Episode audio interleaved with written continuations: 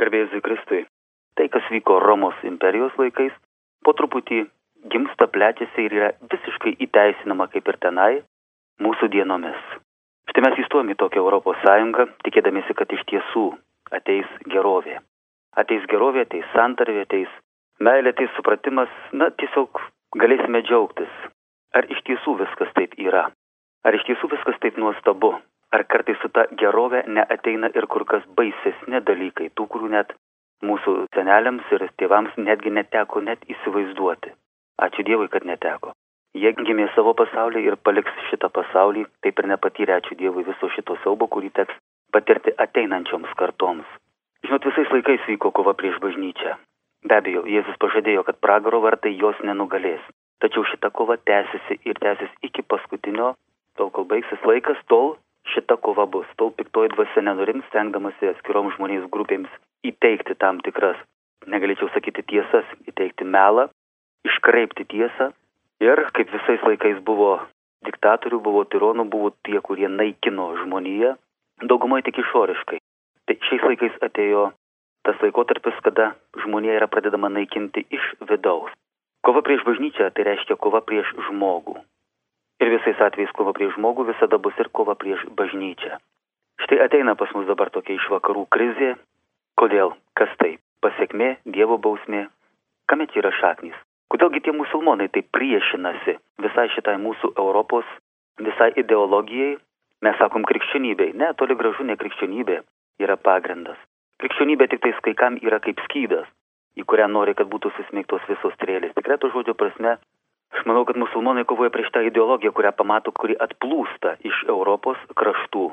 Vat štai apie ją ir kalbėsime, apie tą pasaulį, koks yra bandomas sukurti. Netgi tokių galingų organizacijų kaip ES, kaip Junktinės tautos, kokį jos pasaulį kuria ateinančioms kartoms ir kokiame gali reikėti gyventi. Aš sakau, Jėzus pažadėjo, kad pragaro vartai nenugalės, tačiau jeigu mes nieko nedarysime, tylėsime ir priimsime taip, tai bus lygiai tas pas, kas vyko ir Hitlerio laikais atėjus. Kai tylėjo žurnalistai, kai tylėjo universitetai, kai tylėjo visi, kol galų gale fašizmas taip įsisiautėjo, pradėjo naikinti žmoniją. Mes žinom, kokie eksperimentai vyko ten koncentracijos stovyklose. Be abejo, žinom, kad Dievas davė, jog visgi paskui žmonių maldos buvo išklausytos ir visas šitas pragaras baigėsi taip ir neįvykdžius Hitleriui to siaubingo, neįgyvendinus to pasaulyje vaizdžio, kurį jis įsivaizdavo. Tačiau jis bando ateiti ir mūsų dienomis. Visiškai realiai. Ir bažnyčia, kaip jau minėjau, yra visiškai persekiojama jau nuo pat jos atsiradimo. Mes esame krikščionys. Ir dar kol kas laikomės tokių savokų kaip gyvybė, kurią laikome šventa ir laikome vertybę. Šeimą mes irgi laikome šventa, žodis tėvas ar motina irgi mums kol kas yra šventi. Tėvė mūsų maldoje sakome, kreipiamės į Dievą tėvę. Nebijokit, ateityje to nereikės jau. Pasaulis pasirūpins, kad šita malda išnyktų, nes žodis tėvas jai sukelia alergiją. Manote, kad juokauju, anaip tol ne. Štai dabar pradėsiu kalbėti jau labai konkrečiais faktais, kad iš tiesų galėtumėm suvokti, kas iš tiesų vyksta šiame pasaulyje, kas yra va ta tyli, rami, bet nuolatinė invazija į bet kokį žmogiškumą. Taip kaip kadaise Hitleris labai tyliai ramiai, savo kažkokiuose tai alaus užžygose triukšmavo apie skirtinę arijų rasę, apie tai, kad reikia visą pasaulį palengti po jų kojomis, atrodytų buvo galima juoktis, tačiau žiūrėkite, ką visą tai išvirto. Siaubinga antrą pasaulinį karą. Tas pats vyksta ir dabar, ir jau po truputį smelkėsi į visas institucijas. Taigi dabar ir pasiruoškime klausytis, kasgi iš tiesų vyksta mūsų dienų pasaulyje ir ką jis mums ruošia ateityje. Iš tiesų, krikščionys yra, kaip jau minėjau, persik, nes jiems yra dar toks dalykas kaip šventumas, kaip žmogiškumas, visos moralinės vertybės, Labai liūdna, tačiau jinai ko gero tik vienintelė dabar šituo dalyku ir užsieima. Pasaulis stengiasi visą šitą dalyką sunaikinti. Štai ES teisės ir vidaus reikalų komisarui jis buvo pasmerktas dėl savo pasisakymų paprasčiausiai dėl tokio dalyko kaip homoseksualizmo tema ir dėl šiandieninės moters vaidmens kritikos. Jam buvo pasiūlyta netgi atsistatydinti iš komisaro posto. Septintų metų Genujoje arkivyskupas ir Italijos vyskupų konferencijos pirmininkas Angelo Bernako turėjo prašytis policijos apsaugos, nes jam buvo pagrasinta nužudyti, kai jis pasisakė prieš homoseksualių sąjungų sulyginimą su šeima. Jis gavo netgi laišką su nedviprasmišku įspėjimu pistoleto kulka ir savo nuotrauką su nupiešta svastika. Tai tik lietgalnių viršūnės. Ir iš tiesų mūsų dienomis krikščionis turi patirti tuos visus grėsmingus išpolimus, nes jie išpažįsta savo tikėjimą ir taip ir bus ir toliau. Mes tą labai gerai žinome, kad iš tiesų šitas persikėjimas tęsis ir toliau. Pasaulis dabar stengiasi įgyvendinti homoseksualizmo šitą politiką ir lesbiečių be abejo politiką, nes jam tai yra patogu. Kodėl? Todėl, kad jis nori sunaikinti santuoką, jis nori sunaikinti šeimą. Ta, kokia buvo, kokia buvo tūkstančių tūkstančiais metų iki mūsų dienų. Naujai pasaulio tvarkai, be abejo, ir naujai vieningai pasaulio religijai ir yra stengiamasi perauklėti mūsų dienų žmogų. Ir tas, tas perauklėjimas prasideda nuo pat vaikų darželio, nepriklausomai nuo to, ar šitos visos fantazijos, tų įstaigų, kurios tuo užsima, prieštarauja sveikam protui ar ne. Na pavyzdžiui, vienoje Austrijoje yra pavyzdinis vaikų darželis, kuriame vaikai yra perauklėjami. Mergaitės pratinamos peštis ir apsiginti, berniukai rengtis princesėmis ir lakuotis nagus. Tai aišku, vaikų ruošimas lesbietiškam ir homoseksualiam gyvenimo būdui. Ir tu pabandyk tik ką nors pasakyti prieš tai. Tėvai net neturi teisės kažką tam prieštarauti. Tu jie iš karto būtų patraukiami kaip diskriminuojantis laisvą žmogaus pasirinkimą ir būtų patraukti teisminė atsakomybė. Galbūt netgi imtinai aš jų būtų atimti vaikai. Atrodytų tai siaubas, tačiau įsivaizduokit, taip yra. Į pasaulį ateina tokias dalykas kaip gender mainstreaming. Gender tai būtų tokia kaip lytis, ir mainstreaming tai būtų pagrindinė srovė. Lytis, suprantama, ne vyriška, moteriška, oi ne. Bet kokia, į šičia įeina bet kokie. Heteroseksuali, va, kaip mes dabar suprantam, kaip vyras ir žmona yra, vyras ir moteris. Homoseksuali, kaip vyrai du, kaip lesbietiška. Dvi merginos, kaip biseksuali, kai su vyrais ir su moterim. Gali užsiminėti ir kai santraseksuali, kai yra pakeičiamas žmogaus lytis. Tai jau tampa nebe kaip kažkoks tai nukrypimas, bet įvardyma kaip tiesiog netgi privalumas. Šitas įprastinis vyro ir moters santykiai, jie turėtų būti sunaikinti. Taip siekia dalyti pasaulio šitie naujosios tvarkos įvedėjai. Kaipgi čia musulmonai neprieštaraus tokiam dalykui, kaipgi jie nestengsis visomis įmanomis priemonėmis šitam dalykui priešintis. Man iš tiesų irgi buvo kažkodėl taip keista, ko jie tokie yra pasitę ant mūsų. Pasirodo štai, kur buvo šaknis.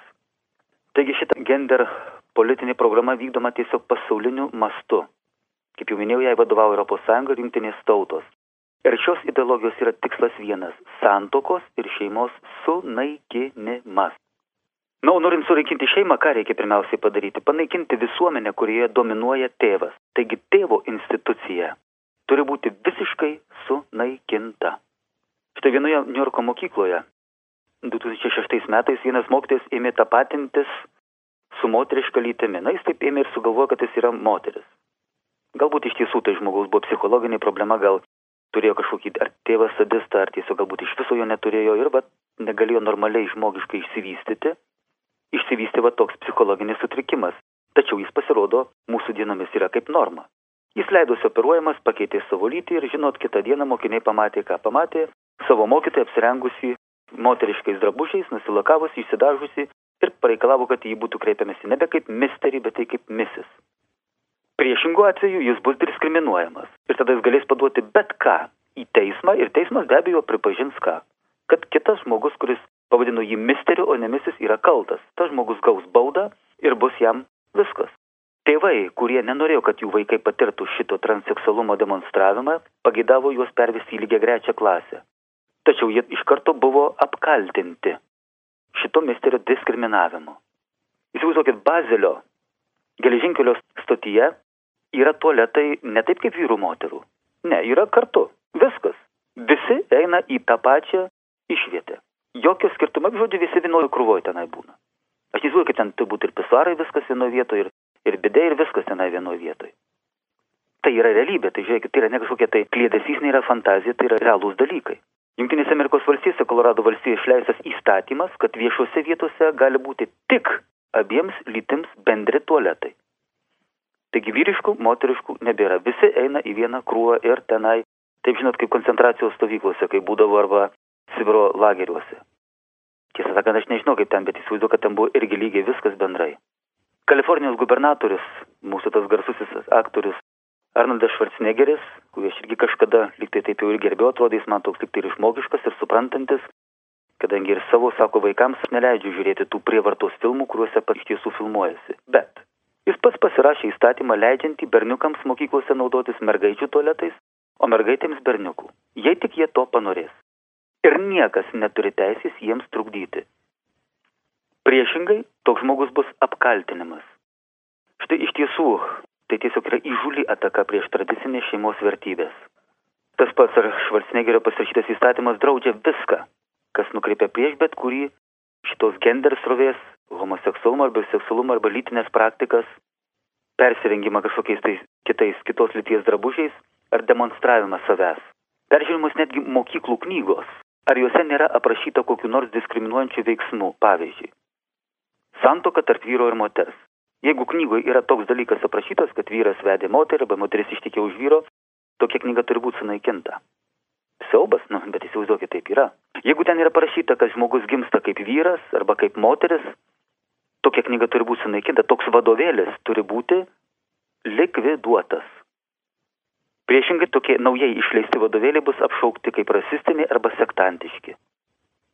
Taip iš tiesų vyksta. Žinot, iš kur visas tai prasidėjo? 62 metais Londone viešai pasirodė genetikos tyrinėtojai, kurie ir tapo šiandieniniais vykstančios šitos gender revoliucijos pirmatakais. Tų susirinkusių mokslininkų svarbiausias rūpestis buvo vienas - panaikinti paskutinės tradicinės institucijas - santoką ir šeimą. Esą tai trukdo žmogaus intelektualinį, mokslinį ir socialinį vystimą. Du pagrindiniai buvo jų tenai šulai, kurie ir davė visas pagrindinės kryptis šitai, tai Hermanas, Hermanas Milleris ir seras Julianas Huxlis. Hermanas Milleris buvo zoologijos profesorius, kuris gavo netgi Nobelio premiją fiziologijos medicinos srityje už mutacijų sukėlimo rengeno spinduliais atradimą. Ir žinot, ką jis pasiūlė? Dar 27 metais, vos ne prieš šimtą metų, jis pasiūlė pakeisti natūralią žmogaus genetinę atranką ir sukurti naują žmogų, aplenkiant Dievo tvėrimo aktą. Taigi tai tai, ką mes įsivaizduojam dabar natūraliai, vyras, moteris, vienas kitą myli, susilaukia kūdikio, augina jį, ne, tai yra čipuha, tai yra nesąmonė. Per ilgas procesas turi būti atrinkti individai ir išauginti visiškai atskiriai izoliuojant nuo tėvo ir motinos. Dirbtinio žmogaus kūrimas tampa aukščiausia mokslo utopija. Žinot, kaip jie tenai rašo? Jie rašo taip, genetinėse laboratorijose bus pradėti ir išauginti tobuli berniukai. Jie auks komunose, prižiūrimi bei auklėjami homoseksualių eruditų. Taip gėjai savo manifeste, kuriuos būtent ir palaiko šitą srovė, nu, kuri tiesiog įeina, gėjai tiesiog įeina į šitą visą srovę. Štai apie ką jie kalba. Šeima yra melo išdavystės, vidutinių veidmainystės ir smurto žinys, todėl jinai turi būti panaikinta. Šeima tik slopina vaizduotę ir pažaboja laisvą valią, todėl ji turi būti likviduota. Sūnus, duktė, šitie dalykai, tėvas, motina, šitie dalykai turi būti sunaikinti. Štai kas yra ruošiama ateinančioms kartoms. Įsivaizduokit, kokie žmonės auks, kokia bus tada įtampa. Na, apie tai bet truputį bus vėliau. Dar kalbėsim apie tai. Ir žinot, ką jie numatė? Jie numatė, kad reikia žmogų užauginti geriausiai mėgintuvėlėje. Tiesiog tai būtų visuotinai įprasta procedūra. Apvaisinimą galima pradėti tai žmogaus nepradėjimas, o tiesiog padarimas. Ir Mülleris, vienas iš šitų pagrindinių šitos rovės patriarchų numatė štai ką vaikai turi būti perduoti valstybės žinion. Šiandieninė socialinė valstybės ideologija vis griežtesniais metodais stengiasi pasisavinti natūrales tėvų ir vaikų teisės.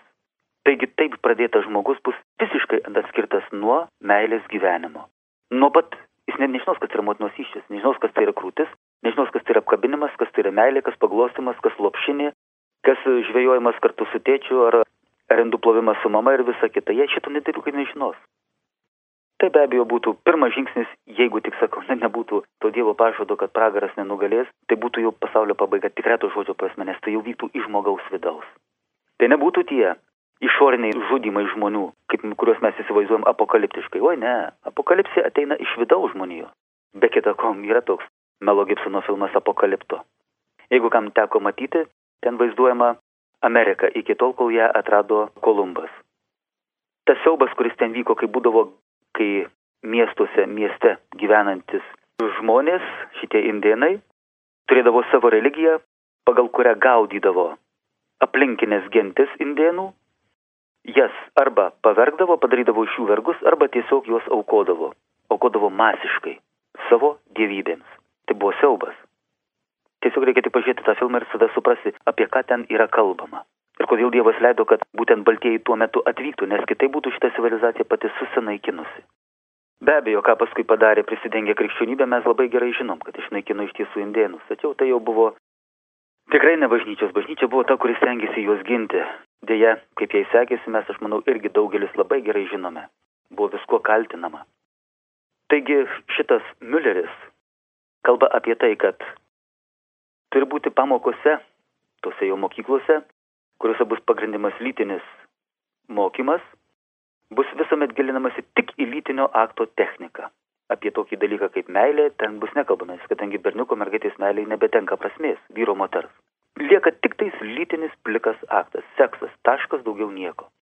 Turi būti naudojama drastiška vaizdinė medžiaga, kuri aišku be abejo neatneš nepataisomą žalą vaiko vystimuisi. Juk visą šitą buvo, buvo stengiamasi įvesti ir Lietuvoje. Ir daug reikėjo vyskupų konferencijai, ir Bačkiui, ir arkiviskui Sigitui Tamkevičiui kovoti tiesiog netgi su, su prezidentu. Net iki tokio lygio, kad arba šitaip, arba ne, arba viskas, arba, arba mes nebe krikščionys, arba šito dalyko mes neįsileidžiam. O jau buvo smelkiamasi visais įmanomais būdais, kad būtų įvesta. Kad per pamokas būtų mokomasi, kaip įsidėti spiralę, kaip užsimauti prezervatyvą, visų akivaizdu, kodėlgi ne.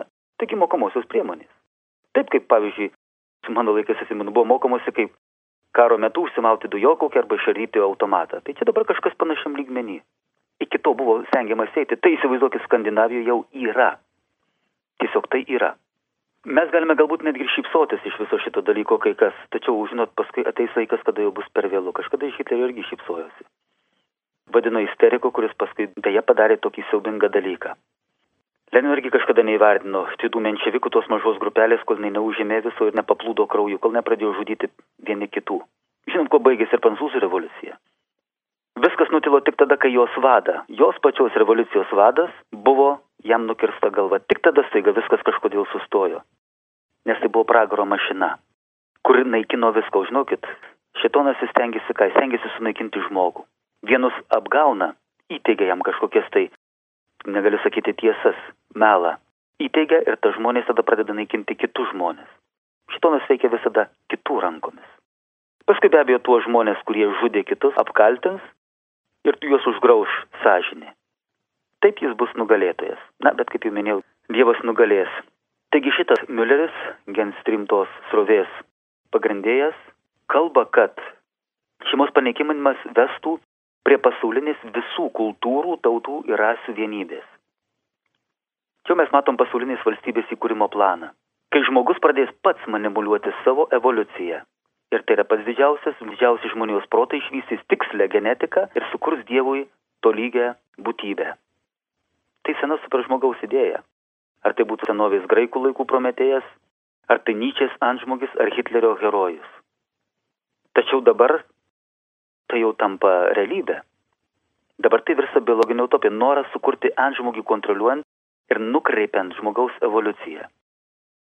Nes mūsų dienų žmogus skaitosi nevykėlis. Reikia daryti atranką, dirbtinę atranką ir žmonės formuoti.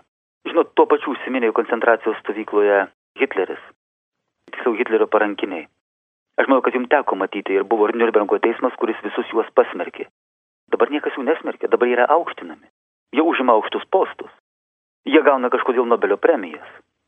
Už visą šitą dalyką žmogus sumanė atsistoti Dievo greton. Kuo tai baigsis? Atsakymas vienas, aišku, jau tūkstantmetė žmonių patirtis rodė, kad tai baigsis dar viena tragedija. Kokia tai bus? Nežinau. Aš manau, kad ten šitas AIDS arba dar bet kokios kitos lygos yra tik tais, ar vėžys yra tik tais juokas palyginus su to, kas laukia mūsų ateityje. Ir ką mūsų vaikams ir anūkams teks išgyventi. Jeigu iš tiesų nebus maldos, jeigu žmonės ir toliau tols nuo Dievo, žmogus pasusinaikin save. Ne kažkas kitas. Nereikia mums laukti kažkokių ateivių, dar kokios kometos nukrintančios. Ne, pasaulio pabaiga apokalipsija įvys iš žmogaus vidaus, ne iš kažkur kito. Žinot, jie, šitas antrasis tos gender srovės patriarchas Julianas Huxlis, Jis sako Darvinas arba Dievas, nes pasaulis žmogaus smegenys neturi vietos jiems abiems. Jis sako, mes turime atmesti klaidingą prielaidą, kad egzistuoja tokie dalykai kaip tiesa ir dorybė. Kitaip sakant, tiesa turi būti užmušta, sunaikinta. Dorybė, o tas žodis reiškia tai, kas dera žmogui, na, pavyzdžiui, kvėpuoti, valgyti, dar kažkas, visa kita fiziologiškai, kaip žmogus yra sukurtas, visa tai turi būti sunaikinta. Viskas yra relativu. Viską galima užsinorėjus jį permastyti ir padaryti. Tiesos nebėra. Taip toks žmogus be abejo traukia žmonės į pražūtį. Mes labai gerai žinom, kad Darvinas iki pat paskutinio atodusio buvo ištikimas krikščionis.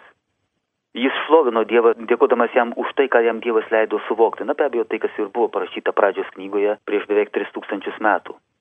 Jis tiesiog tą dalyką atrado, įteisino, aprašė moksliškai, sutvarkė ir visą kitą. Be abejo, daug kas iš jo tyčiojasi neteisingai tyčiojasi. Reikia tik paskaityti jo paskutinį veikalą ir mes gerai pamatysime, kad jis šitą dalyką paliko tik tais kaip hipotezę, bet toli gražu ne kaip įrodymą. Nes, kaip jis sako, Kembro periodo iškasenos dėja mano šitą visą žmogaus raidos teoriją iš tiesų sugriauna.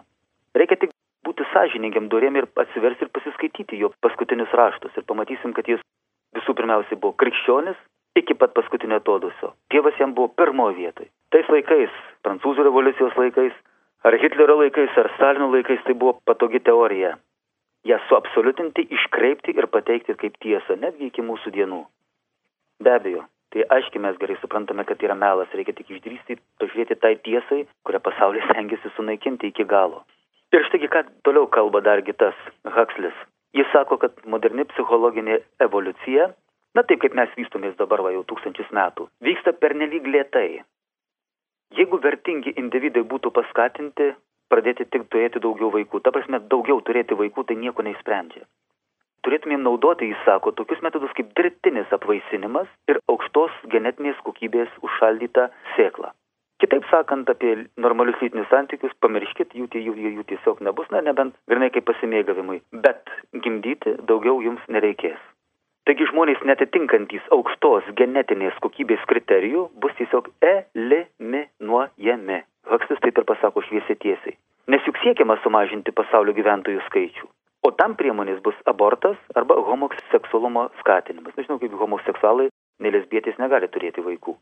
Išnykus normaliai šeimai, vadinasi, gimimų skaičius sumažės. Ta mes matom puikiai ir dabar Lietuvoje. Visose pasaulio šalyse mes tą matom, nykstam gimstamumas, nes įsigali abortai ir homoseksualumas. Tik dar tuose musulmoniškose šalyse, dar Latino Amerikoje, dar Afrikoje dar Azijos šalyse, kur dar nepasiekė visą šitą halucinaciją, dar kol kas šeimos yra normalios ir tie vaikai gimsta. Žinot, Europa gali pati iš tiesų save suėsti. Taigi va dėl to ir skatinama šitie abortai, homoseksualumas, kad būtų sumažinta žmonių gyventojų skaičius žemėje, kad jie nebūtų užkišti. O galų gale laikui bėgant, kadangi bus sunaikinta visiškai normali šeima, bus laboratorijos, kur bus atrinkta aukštos genetinės kokybės šita genetinė medžiaga ir bus gaminami naujas žmogus. Planuotais tėvystės federacijos įkūrėja Margaret Sanger sakė taip, daugiau vaikų iš gabių ir mažiau iš nevykėlių.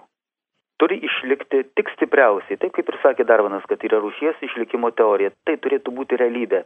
Bet koks silpnas vaikas, kūdikis, turėtų būti sunaikinamas. Ir mes žinom, kad dabar yra įteisinama abortai net iki pat gimimo įteisinimą. Jeigu tu tai sugalvojai, tai dar nikol jis neįkvėpė, neiškišo galvelės, jį galima sunaikinti. Žinote, iš tiesų šitos Sanger planuotos tėvystės idėjos visiškai atitiko Hitlerio siekį išugdyti rasiškai tobulą elitinę arijų rasę. Ir žinot, ką darė? Mes žinom, kad nacionalsocialistai masiškai vykdė nevertingais paskelbtų gyventojų, netgi ir tautų sterilizaciją ir eutanaziją. Ir žinot, kaip jie tai pavadino? Rasinė higiena. Mes tai vadinam fašizmu, mes tai vadinam siaubu, kuris atrodo praėjo jis dabar grįžta ir yra įteisinamas. Visiškai įteisinimas kaip tarptautinė planuotos tėvystės federacija, kuri gauna visokius finansavimus iš valstybės yra puikiausiai palaikoma ES ir jungtinių tautų.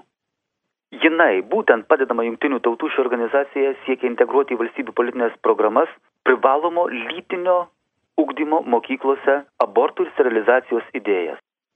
Jo iš tiesų tai yra visiškas siaubas, bet jis tampa realybė ir žmonės užsimerkia tolerancija pasidarė visur ir viskam. Mes įpratom matyti žudomus žmonės, pripratom prie abortų, prie visko įpratom, žinot, prie visko įpranti tol, kol tavęs nepaliečia. Tačiau, kai tave palies, į tai žiūrės visiškai abejingai.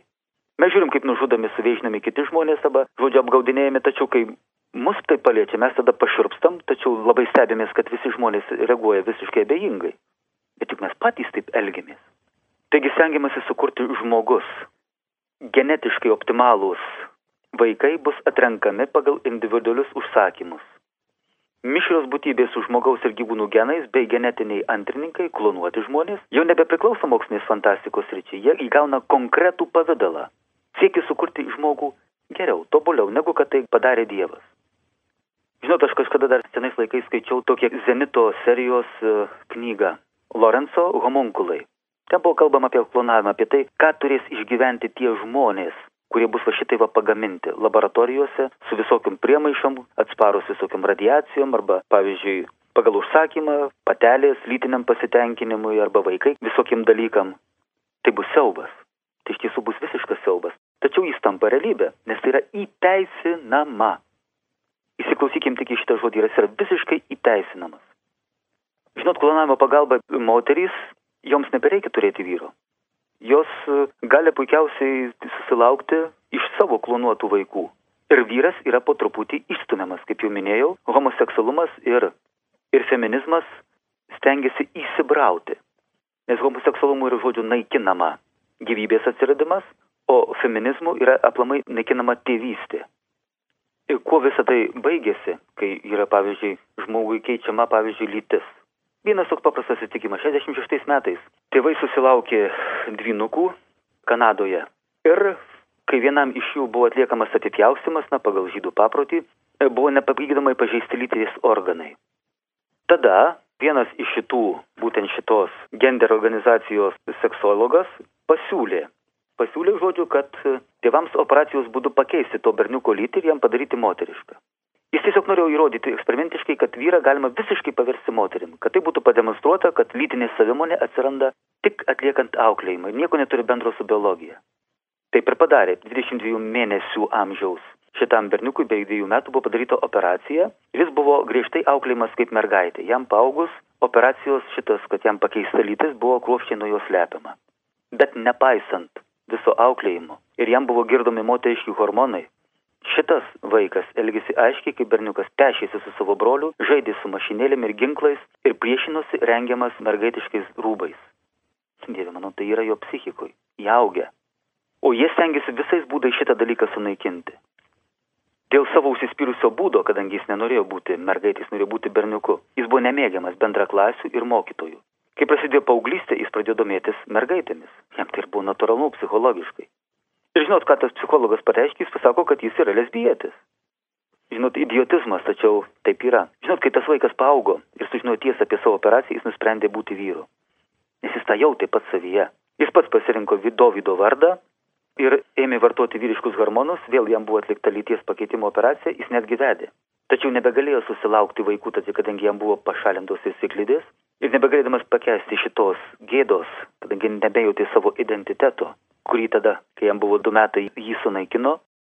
2004 metais jis nusižudė. 26 metus išgyveno kaip vyras, bet paskui jau nebeištvėrė viso šito. Tas laukia visų, kurie iš tiesų nusprendė tapti transseksualais. Tokie žmonės niekada nebus laimingi. Ir nėra laimingi. Nereikia apsimetinėti. Jie bando būti laimingi, tačiau patikėkit, to nėra. Kaip žinot, vienas Amerikos kažkokio tai universiteto, kuris susijęs su psichologija ir seksologija profesorius, pasakė, sako, parodykit man laimingą homoseksualą, aš jums parodysiu linksmą lavoną. Tai yra neįmanomas dalykas. Toks žmogus niekada nebūna laimingas. Ir jeigu tik jis turėtų bent kiek truputį sažiningumo, jis tą be abejo prisipažintų. Taigi va, tas laukia mūsų ateities.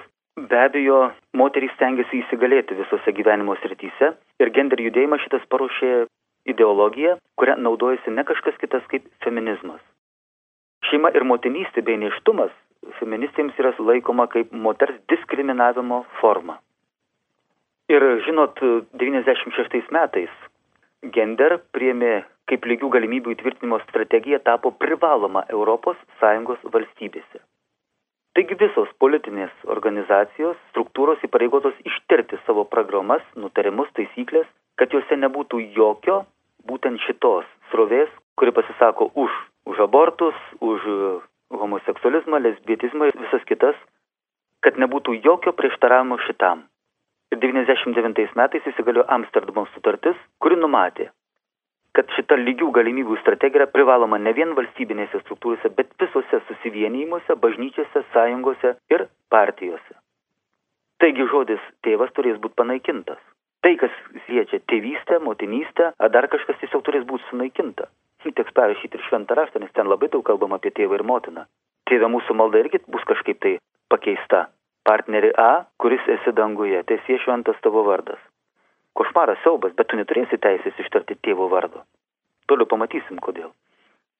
Ir žinot, nors moterų aukštuose postuose iš tiesų pasaulyje padaugėjo, tačiau pasaulis dėl to netapo geresnis. Moteris buvo išstumta iš to, kur jinai buvo, iš tos erdvės, kur jinai buvo šventa. Šeima. Motinos vardas iš tiesų buvo per amžių amžių šventas. Šventesnio vardo iš tiesų niekur nėra ir nebuvo ir nebus. Moterys, turinčios vaikų, bus priverčiamos įsidarbinti, o vaikus turės atiduoti valstybei. Turi būti, nes iš tiesų stengiamasi ką padaryti, stengiamasi sunaikinti šeimą. Britanijos parlamento žemutiniai rūmai viename savo nutarime, pasakoju, kas dabar vyksta pasaulyje, teigia, kad tėvas yra visiškai nesvarbus vaiko vystimuisi. Dieve mano, kad vaikas būtų psichologiškai sveikas, jis privalo turėti ir tėvą, ir motiną. Ir mes tai puikiai žinom, kad nors vieno iš jų nėra, vaiko jau sieloje vakumas. Jo tiek dvasia, tiek psichika, netgi ir fiziologija turi pasiekmes. Ir milžiniškas pasiekmes. Tačiau jie įžūliai, va tai teigia, netgi įsivaizduokit, priima tokius nutarimus. Įgyvendimas paskutinis feministių ir aborto propaguotojų smūgis tėvystė. Tėvai, tėvas ir vyras tampa kaip visiškai nebereikalingas. Baisu, tačiau taip yra. Kas atsitenka, kai iš tiesų, štai pavyzdžiui, Švedijos pavyzdys, kurie jau seniai šitą programą yra įteisinusi. Ir žinot, kuo jinai baigėsi visa šita programa? Iš tiesų rezultatas yra štai koks. Prievarta atsirado mokyklose ir gatvėse, vyksta masinės vaikų savižudybės. Vaikai nebepakelia šitokio savo identitento nebuvimo. Nebegali atlaikyti to, nebegaudami tėvo ir motinos meilės, jie nebepakelia šito. Įsivaizduokit, pedofilija yra įteisinama. Visiškai įteisinama. Nes gyvendamas tokio homoseksualų šeimoje, vaikas įvaikintas, paimtas tiesiog iš to, juo galima naudotis kaip tu nori. Pabandyk pasakyti, ką nors prieš. Tik pabandyk pasipriešinti, sėsi į kalėjimą gausi milžinišką baudą. Tai buvo bandyta. Vienas ten bandė kunigas kažką biski pasakyti. Iš karto viskas. Atsisėdo į kalėjimą už tokių vien tik pasakymą. Griežta 71 metų reforma Švedijoje privertė abu tėvus eiti į darbą. Moterys, kurios liko namuose, neteko pasitikėjimo savimi. Kurie pasipriešino šitai tendencijai, turėjo kovoti už išlikimą. Nes tiesiog jie negaudavo jokių pašalpų. Jie buvo pasmerkti mirti, kad ir badu. Tokia šeima. Švedijoje nebėra tokios savokos kaip šeima. Jis pavadinta dabar namų ūkis. Nes šeima tai reikštų vyrą ir moterį. O čia namų ūkis, tai tada jau galima turėti, gali būti ir du vyrai, gali būti ir dvi moterys. Tėtė ir mama tokių dalykų nebėra. Tai draudžiama vaikų darželiuose šitą žodį ištarti. Ispanijos socialistinė valdžia metrikacijos knygose, įsivaizduokit, kas įvyksta, žodžius tėvas ir motina, aš nežinau, kaip pasuose pasidarė, kaip pas juos pasuose yra, pakeitė į tokias formas. Vietoj tėvo gyvybės pradininkas A, motina gyvybės pradininkė B. Škotijos sveikatos apsaugos ministerija taip pat nurodė vengti žodžių tėvas ir motina visus vadinti globėjais. Žodžius vyras ir žmona arba sutuoktinis visuotiniai pakeičiama į partneris. Tai yra košmaras. Įsivaizduokit, vyriškumo neigimas įgauna vis labiau iškreitas formas. Jungtinių tautų 51 sesijos metu moterų padėties komisija pareikalavo panaikinti bet kokią moterų diskriminaciją, o kaip jie įsivaizduoja ją - abortą. Kas iš tikrųjų rūpi feministėms? Žinot, kas išryškėjo? Įsivaizduokit, dabar gerai įsiklausykit, kas išryškėjo, kad moterys prieštarauja, šitos feministės prieštarauja moteriškų vaisių abortui. Kitaip sakant, jeigu iščiose yra mergaitė, jinai privalo gimti. Jeigu vyriškos lyties yra, pavyzdžiui, berniukas motinos iščiose, jam abortą daryti galima. Ar supratot visi, ką aš pasakiau? Feministėms aiškiai yra įvardyta, kad berniukai motinos iščiose turi būti naikinami, o mergaitės jom turi būti leidžiama gimti. Aš nežinau, čia atrodo visiškai idiotizmo, tačiau įsivaizduokit, jungtinės tautos tai puikiausiai palaiko. Siaubas. Jeigu kas netikit, nu atsiverskit jungtinių tautų 51 sesijos šitą visą medžiagą. Aš nežinau, gal galima įsitraukti iš interneto, pasiskaitykit, pamatysit, kas dedasi. Žinot, iš tiesų šitos gender ideologijų planai remiasi senomis idėjomis. Engelsas ir Leninas taip pat reikalavo panaikinti namus ir priversti moteris eiti į darbą, o vaikus atiduoti į internatus. Žinot, mes vakaruose dabar pamėgdžiame tai, ką bandė Sovietų sąjunga padaryti. Žmonės išauginti mankurtais. Tai stengiamasi daryti. Tai pavyzdžiui, Britanijos leiboristų partijai pavyko prastumti įstatymą. Junktiniai karalystė Britanijoje, kad visos įvaikinimo agentūros, taip pat ir katalikiškos, atiduoti privalo vaikus homoseksualų poroms arba jos privalo būti uždarytos. Visos šitos organizacijos. Čia jau aišku šviesiai tiesiai smūgis į bažnyčią. Ir Vatikano užsienio reikalų ministras, arkivyskupas Mamberti, viename savo interviu pasakė, kad pasaulis įžengė į naują erą - krikščionybės baimės erą. Tai, kas buvo seniau antisemitizmas, kai buvo kovojamas prieš žydus, dabar lygiai taip pat yra kovojama prieš krikščionis.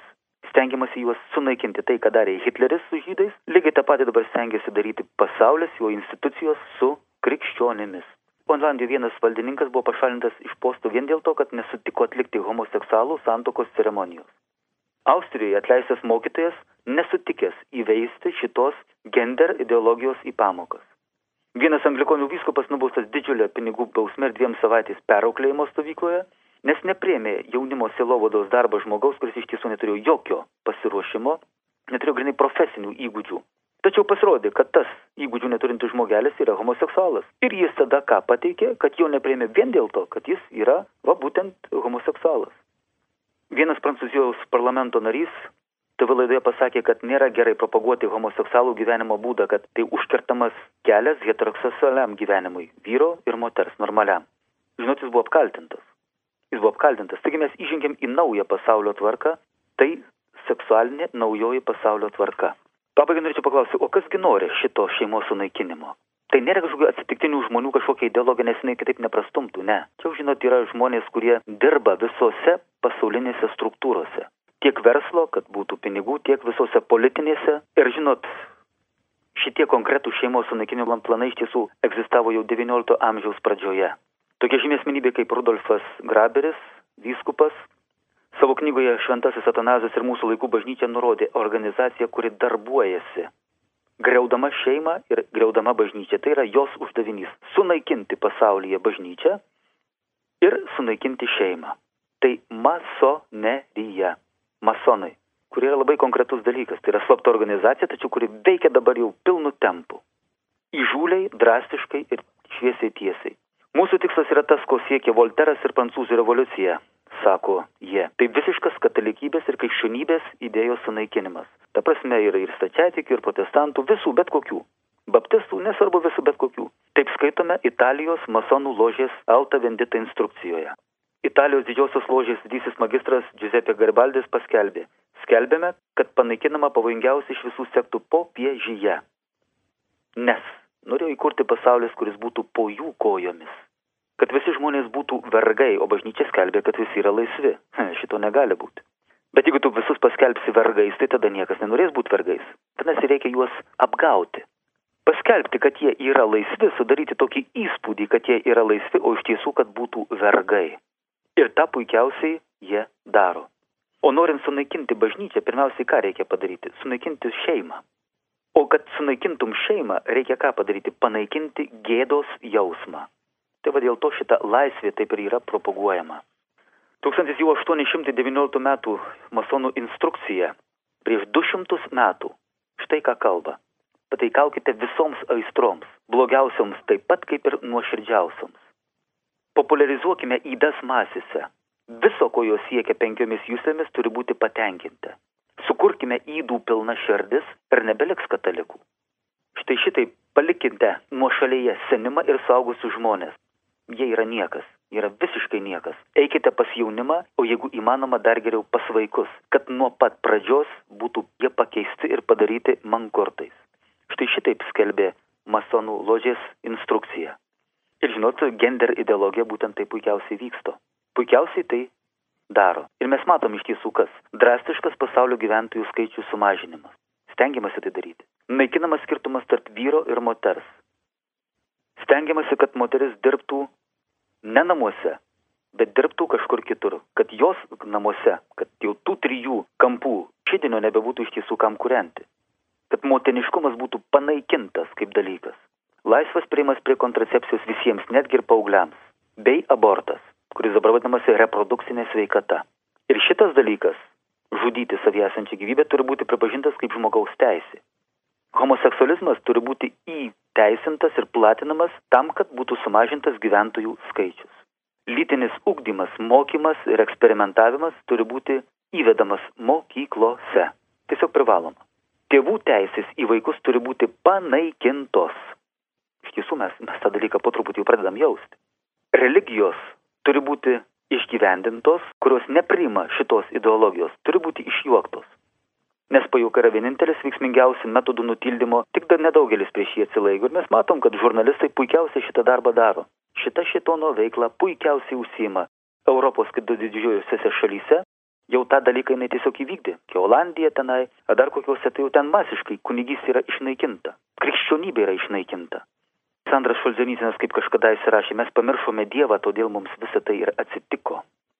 Be abejo, jis turėjo menį sovietų komunizmą, bet vėliau ir vakarų liberalizmą. Štai 83 metais Londone savo kalboje įskundėsi dėl visuotinio tautų apakimo dieviškams dalykams. Jis pasakė taip, mūsų materialistinės epochos apokalipsė, kurio šaknys giliai siekia yra istorijoje, yra paskutinis žmonijos kryžiaus kelio etapas pakeliui įgyvendinta krikščionybė. O kasgi bus, kurie iki galo įgyvendins krikščionybę? Popiežius Benediktas dabartinis kalboje, kuriai priminė vyro ir moters vaidmenį, kuris yra nustatytas kurėjo, be abejo, jis buvo iš karto apšauktas kaip kurstančiais žodžiais ir tiesiog kaip grėsmę mūsų planetai. Taip ir buvo pareikšta, kad popiežius savo žodžiais skleidžia baimę, jog homoseksualai kelia grėsmę planetai. Kągi mes galim padaryti šitoje situacijoje? Žinot, bažnyčia, bažnyčios istorija rodo, kad visais šitais baisiais laikotarpiais, o jų iš tiesų buvo daug. Nuo pat pirmųjų amžių, kai buvome visiškai naikinami krikščionys. Malda. Nieko kitaip nepadarysi, tik tais malda, iš tiesų nuoširdi malda. Kaip buvo su žydais? Žiūrėkit, kai tik žydai kažkur nuklyzdavo, Dievas jiems siūsdavo kažkokią tai nelaimę. Jie atsipeikėdavo, vėl atsigręždavo į Dievą, vėl pradėdavo melstis, pamesdavo visus stabus, nustodavo žudyti aukot žmonės arba netgi savo pirmagimius kažkokioms tai stabams dievybėms ir vėl Dievas juos pradėdavo globoti, vėl jie atgimdavo šitą tautelį žydų. Iš jos mes daug ką galim pasimokyti. Tai va būtent šitą Dievą, žinokit, darys ir mūsų laikais. Jeigu pamatys, kad žmogus jau baigia susinaikinti, Dievas siūs kažką. Žmogus, kuris atstumęs Dievą, taip kaip Adomas rojuje, išėjo iš Dievo ir Dievas paklausė, Adomai, žinai, kur tu esi? Tu buvai manyje, tu turėjai tą apsaugą, turėjai mano išmintį, turėjai visą mano galę. Išėjęs iš manęs tu nieko nebeturi. Štai žmogus nieko ir neturi, o bando tapti Dievu. Tik šitie visi eksperimentai dėja jį veda į sunaikinimą. Masonai. 1917 metai. Spalis. Būtent tada Rusija vyko revoliucija. Prasidėjo revoliucija po to. Masonų organizacija šventė savo įkūrimo 200 metų jubiliejų. Masonai. Visur mieste buvo matomos vėliava ir plakatai, kuriame buvo pavaizduota, žinot kas? Luciferis, po kurio kojomis buvo pamintas Arkangelas Mykolas. Atvirkščiai negu mes krikščionis vaizduojame. Per visą Romą ėjo didžiulės procesijos iki pat Švento Petro aikštės. Buvo gėdamos šventvagiškos dainos, nešami transparantai. Šetonas valdys Vatikane, popiežius bus jo patarnautojas. Žinot, laiškė feziečiams mes esame įspėjami. Mes grumėmės ne su kūnu ir krauju, bet su kunigaikštystėmis valdžiamis, šių tamsybių pasaulio valdovais ir dvasinėmis blogio jėgomis dangaus aukštumuose. Taigi mūsų kova labai sunki, tačiau mes galime nugalėti tik melsda miesi. Jonas Auksaburnis sakė taip, nėra nenaudingesnio žmogaus už krikščionį, kuris nesistengia gelbėti kitų žmonių. Ir nesakyk, kad tau neįmanoma kitų paveikti. Jei tikrai esi krikščionis, tau nieko neturi būti neįmanoma. Taigi mūsų dienų iš tiesų pasauliui reikia mūsų krikščionių, nes mes esame ta druska, kuri padės jam išlikti. Jeigu ne, pasaulis tiesiog bus išnyks. Ir kaip jau minėjau, ne kometos, ne kažkokie tai ne kataklizmai, ne žmogus pats save iš vidaus sunaikins. Tačiau žinokit, viltis yra viena. Jis yra Jėzuje Kristuje. Ir yra tas posakis, kad ateinančių laikų krikščionis bus arba mystikas, arba jo iš viso nebus. Atrodo, kad tai yra ranerio mintis. Ir tai yra tiesa. Bet aš manau, kad mes nepasiduosim, taip kaip nepasidavėm. Popiežius Pijus XII nepasidavė, smergdamas Hitlerį, nors jam buvo įvairiai grasinama, kad bus išnaikinami žmonės, žudomi, jeigu tik bandysi pakelti balsą, išdryso tada vienintelė. Katalikų bažnyčia vienintelė išdryso pasakyti, kad fašizmas yra blogis. Išdrysime ir dabar pasakyti, kad tai, apie ką aš kalbėjau, yra blogis. Mes būsime štai persekiojami, galbūt naikinami, bet, kaip jau minėjau, Jėzus pažadėjo pragaro vartai nenugalės. Tu leiskite pabaigti šią laidą. Garbė Jėzui Kristui.